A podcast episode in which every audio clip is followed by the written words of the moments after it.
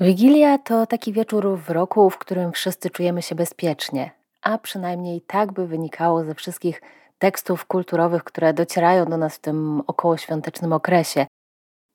Ale nie każde święta mają happy end i dzisiejsza historia, historia Adama samego w domu, niewiele będzie miała wspólnego z uroczymi przygodami Kevina. Zapraszam na zbrodnie prowincjonalne.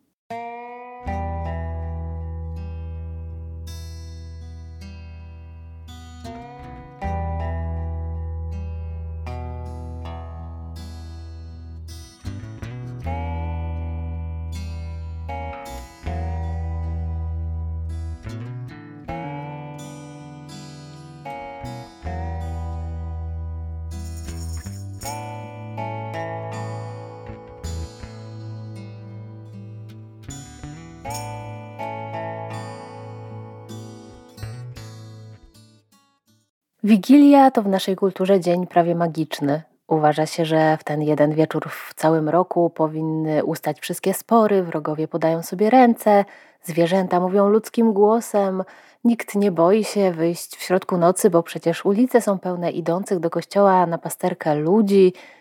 Taką wigilię znamy z piosenek świątecznych, filmów, z naszych rodzinnych przekazów, czy oglądamy w reklamach.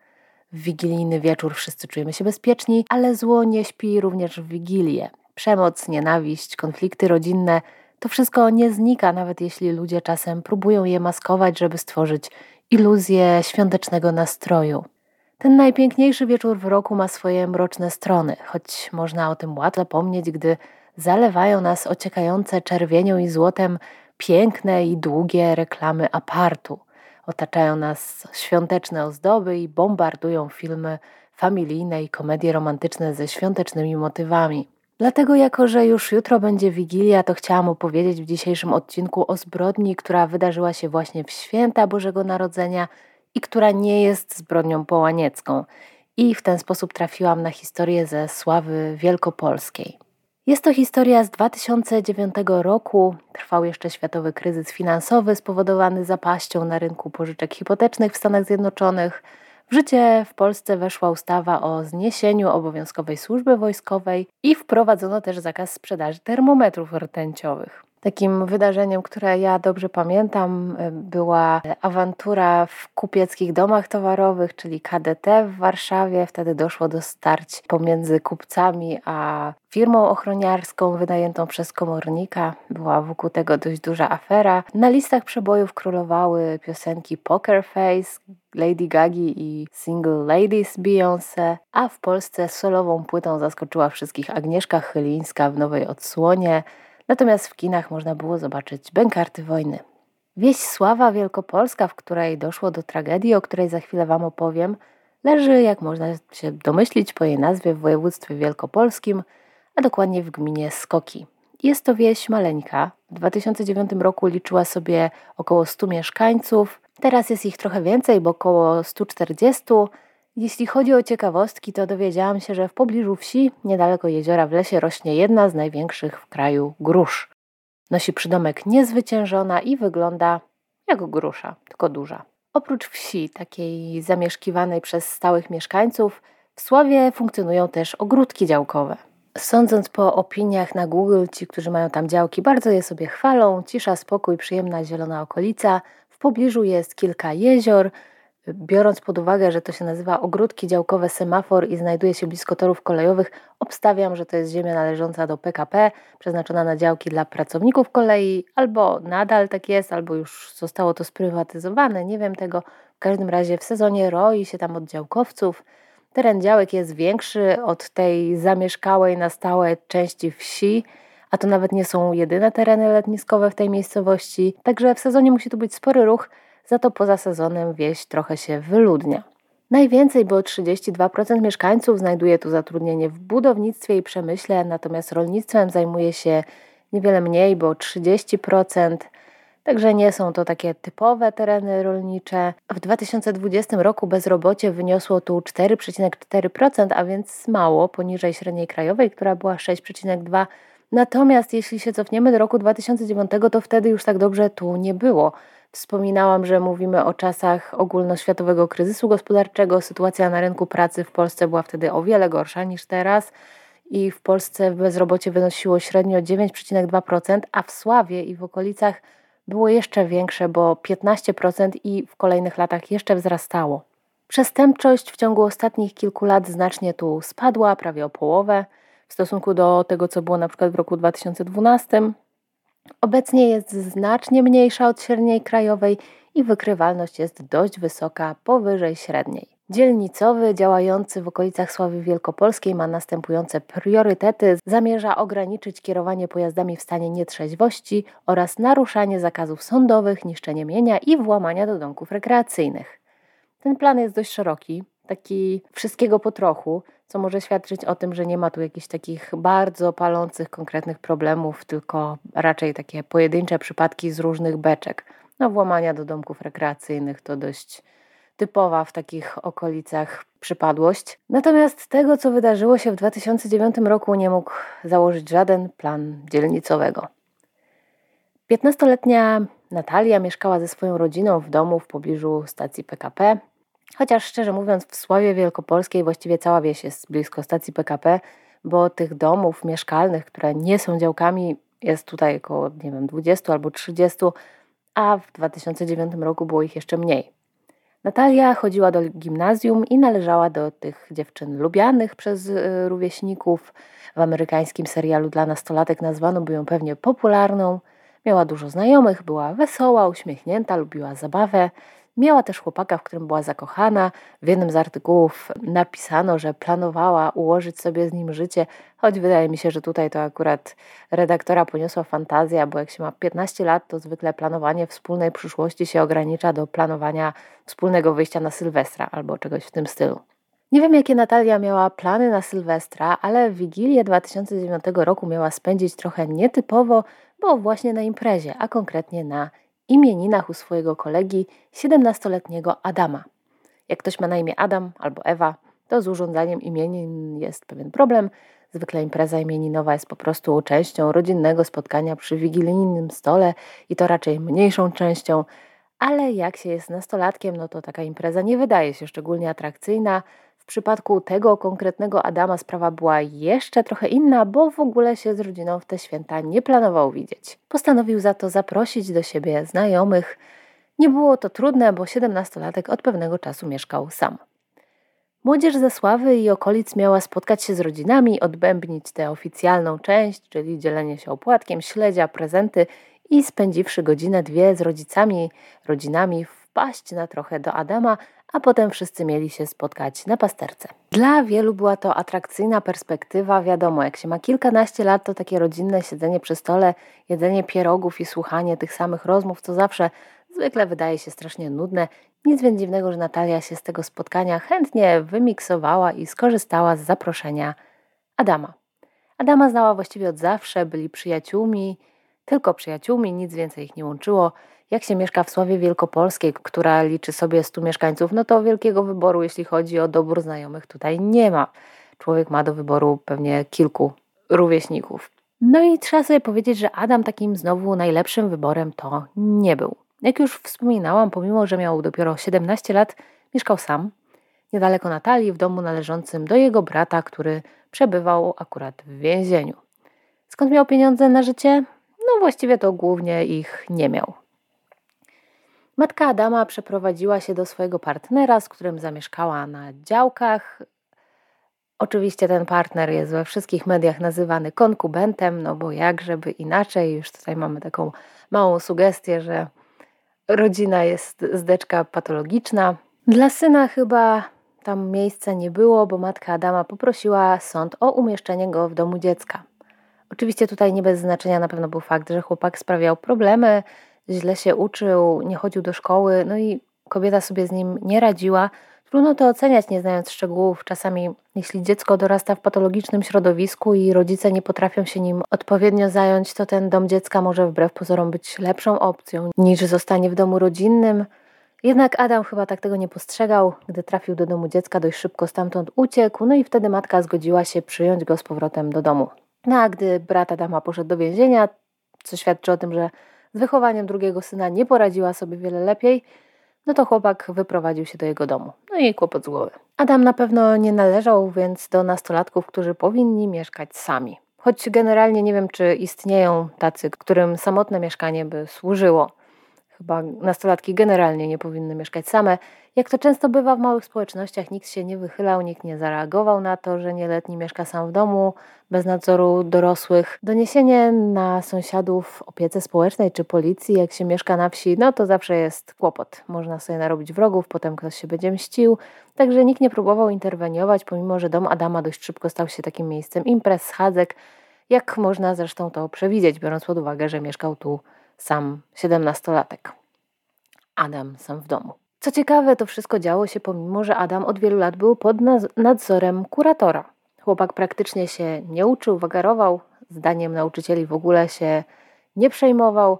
Także o ile można zrozumieć, że mieszkańcy się nie wtrącali, no to już to, dlaczego kurator tu nie zareagował na taki stan rzeczy, no to trudno jakoś wytłumaczyć czy obronić. Później oczywiście dziennikarze zadawali o to pytania, natomiast no, odpowiedzi były takie, że to może został popełniony błąd, a może nie został, ale jak na razie to nic nie wskazuje na to, że został i zbadamy sprawę. No i oczywiście, co z tego badania wynikło, to już się nie dowiedzieliśmy. No i właśnie u Adama Natalia miała spędzić część wieczoru wigilijnego. Pewnie jak już słyszycie tę charakterystykę Adama, to wszystko w was krzyczy Natalia, nie idź tam. No ale na tym chyba polega bycie nastolatkiem i nastolatką, że tam, gdzie są koledzy, zabawa, kwestie towarzyskie, tam instynkt samozachowawczy przestaje istnieć. No i Natalia w grudniową noc opuściła swój dom i poszła dosłownie kilka kroków dalej do domu, w którym mieszkał Adam, i wtedy to rodzina widziała ją po raz ostatni. Rano w pierwszy dzień świąt obudzili się i stwierdzili, że córki nie ma w domu. Zaczęli dzwonić do niej na komórkę, ale Natalia nie odbierała. Podczas gdy wszyscy inni w Sławie Wielkopolskiej szykowali się do kościoła, wykładali potrawy na świąteczne śniadanie, rodzina Natalii zaczęła jej szukać. Natalia miała 15 lat, także całonocne imprezy to jeszcze trochę było za wcześnie. Oczywiście pierwszym miejscem, w które się skierowali, był dom Adama, i tu już kilka metrów od domu było wiadomo, że wydarzyło się coś złego, bo na śniegu widać było krwawe ślady butów, które prowadziły wprost do drzwi Adama. Bliscy Natalii zaczęli pukać, szarpać za klamkę, ale nikt nie otwierał, drzwi były zamknięte na klucz, więc drzwi zostały wyważone. No i gdy weszli do środka, niestety widok przerósł ich najgorsze obawy. Dziewczyna leżała na podłodze w kałuży krwi, a na jej ciele było widać liczne rany, rany kłute. No i widać było, że dziewczyna nie żyje. Co się tam wydarzyło? Nie mogę wyjść z podziwu, w jaki sposób opisał to morderstwo Super Express. Zacytuję Wam tylko jedno zdanie. Gdy dziewczyna opierała się jego chorym rządzom, zwyrodniały młokos w szale nienawiści poderżnął jej gardło. No więc mniej więcej to się właśnie zdarzyło, chociaż ja może to opowiem trochę innymi słowami. Zacznijmy od tego, że w mediach pojawiają się takie dwie narracje o tym, jak wyglądał ten wieczór, który które pokazują, jak można opisać niby to samo wydarzenie, ale nadać mu zupełnie inny wydźwięk. Pierwsza wersja to taka wersja grzeczna, którą przedstawiła też prokuratura podczas sprawy w sądzie. Ja bym to określiła jako taką wersję dla rodziców, którą nastolatki wciskają, żeby zrobić coś, na co wiedzą, że rodzice by się nie zgodzili, czyli taka upiększona prawda podana bardzo selektywnie. Wynika z niej, że Natalii było szkoda Adama, który miał spędzić te święta w samotności. Nawet zaprosiła go na wigilię do siebie, ale chłopakowi było głupio. Nie chciał przyjść, dlatego Natalia zdecydowała się, że pójdzie do niego z opłatkiem w wigilię, żeby nie siedział sam. Oprócz niej pojawiło się też kilka innych osób, kilkoro znajomych, a potem wszyscy mieli pójść na pasterkę. No i rzeczywiście część e, gości poszła, natomiast Natalia i Adam z jakiegoś powodu zostali u niego w domu. Druga wersja to jest taka wersja wiejskie pato. Do Adama przyszło kilka osób, łoili wódę. Jak się woda skończyła, to część poszła po kolejną flaszkę, a Adam i Natalia mieli na nich zaczekać w domu.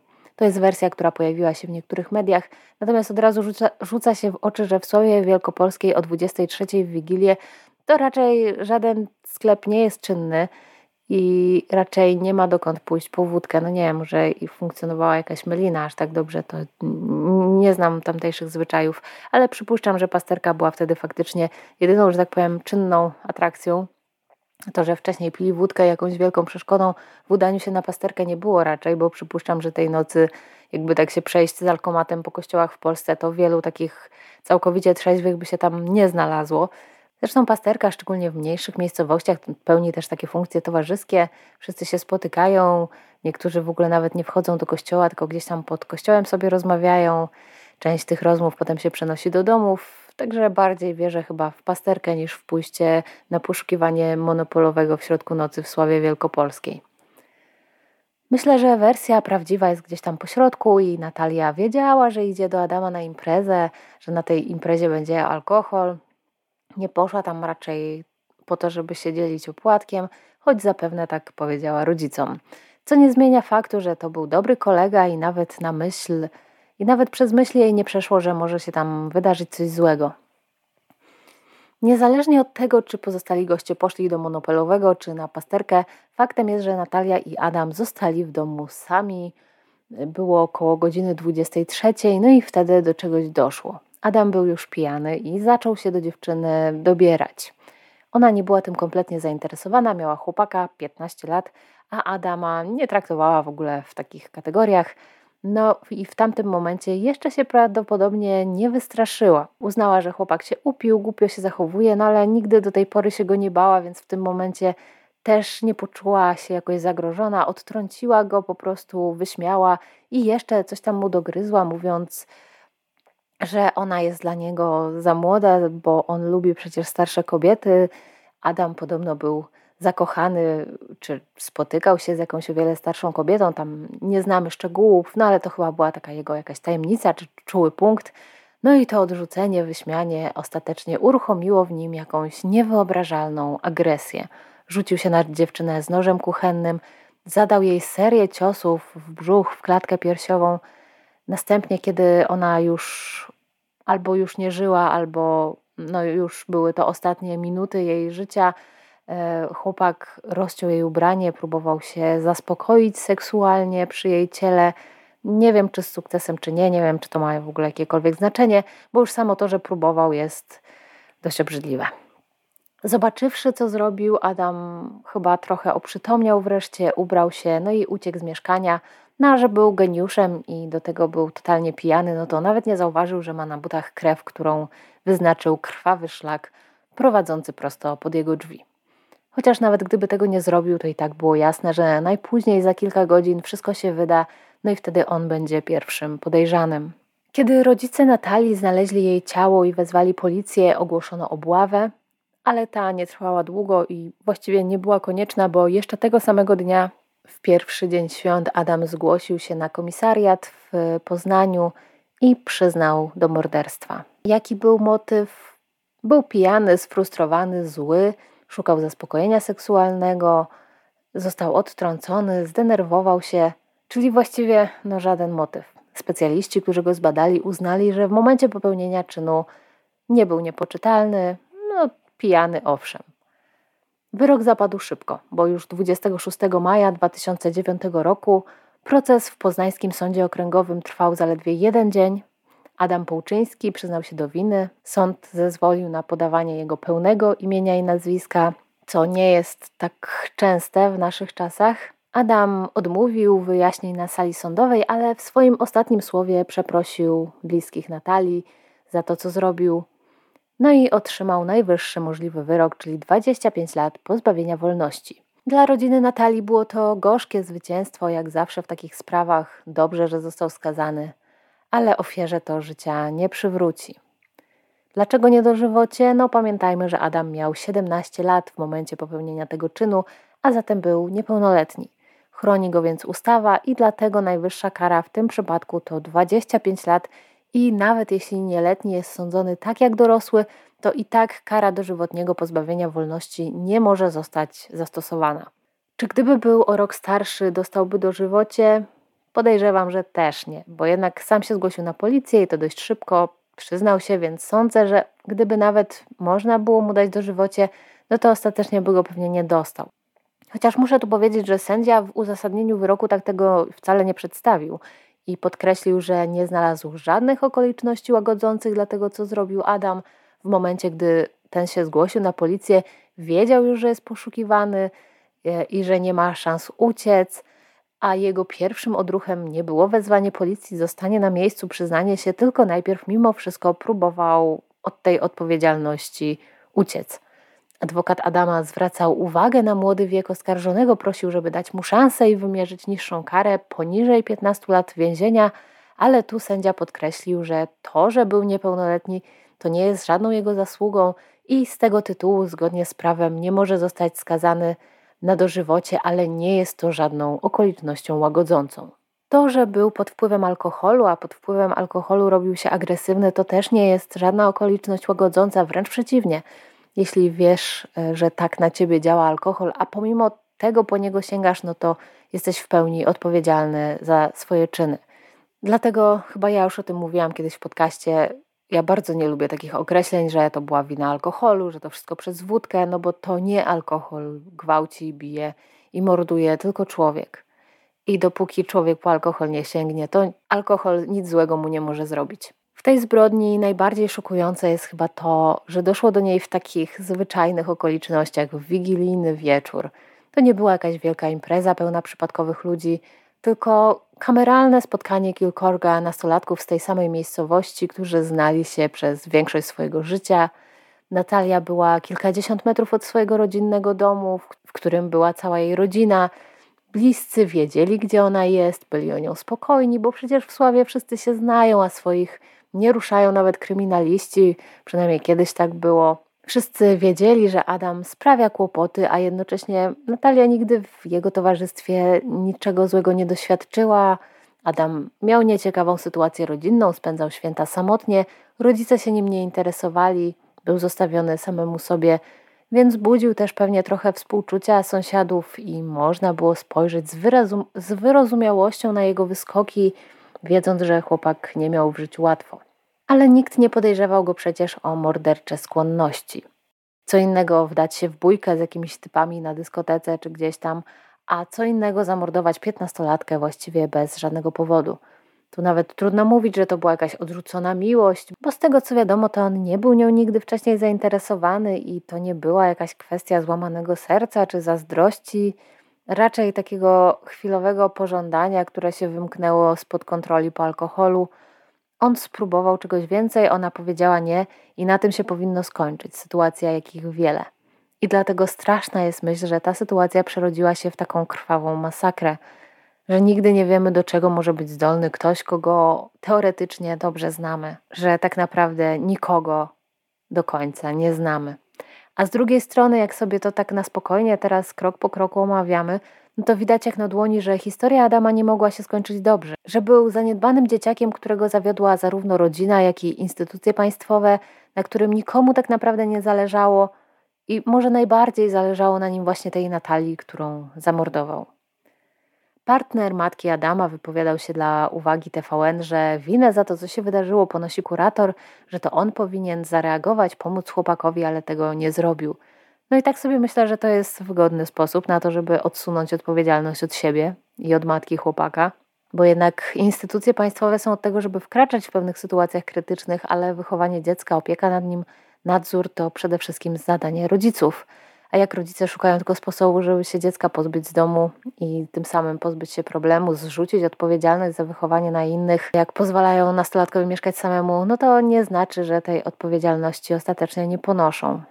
Czy można było zapobiec tej sytuacji? No myślę, że było wiele takich momentów, w których rzeczywiście można było coś zrobić. Może gdyby ostatecznie został w domu dziecka, może gdyby kurator zareagował na to, w jakich warunkach żyje, może.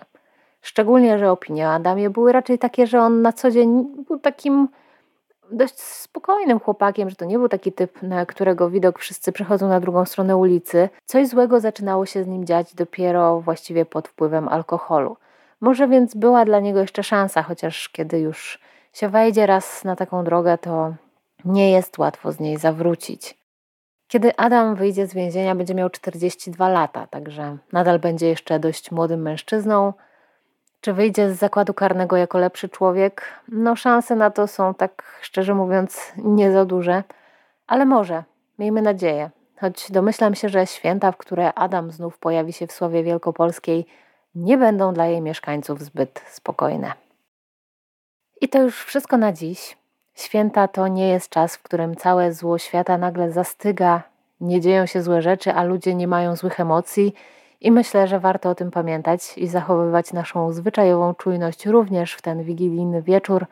Mam jednak nadzieję, że Wy w te święta mimo wszystko doświadczycie tylko tych miłych i dobrych emocji. Życzę Wam wesołych świąt. Wszystkie źródła do tego odcinka są dostępne na stronie internetowej, która jest podlinkowana w opisie odcinka. A ja już się z Wami żegnam i zapraszam za tydzień na kolejny odcinek Zbrodni Prowincjonalnych.